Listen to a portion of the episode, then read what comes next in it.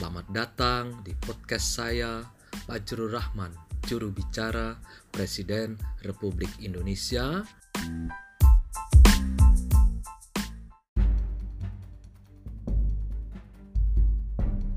Pemerintah memberikan apresiasi atas keputusan Komisi Pemilihan Umum atau KPU yang menunda sejumlah tahapan pemilihan kepala daerah atau pilkada 2020.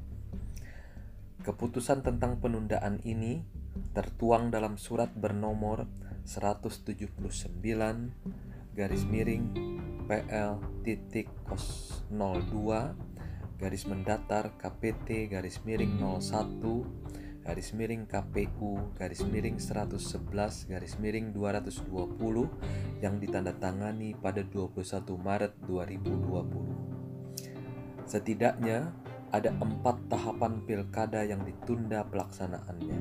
Pertama, pelantikan panitia pemungutan suara atau PPS dan masa kerja PPS. Kedua, verifikasi syarat dukungan calon kepala daerah perseorangan. Ketiga, pembentukan petugas pemutahiran data pemilih. Dan yang terakhir adalah tahapan pemutahiran dan penyusunan daftar pemilih.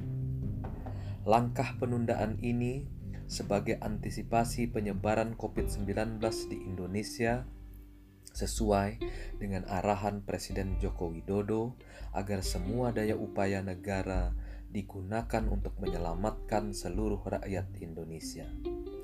Adapun penundaan tersebut tidak termasuk tahapan pemungutan dan perhitungan suara yang rencananya akan dilaksanakan pada 23 September 2020. Hal ini masih dalam tahap pembahasan mengikuti perkembangan penanganan COVID-19.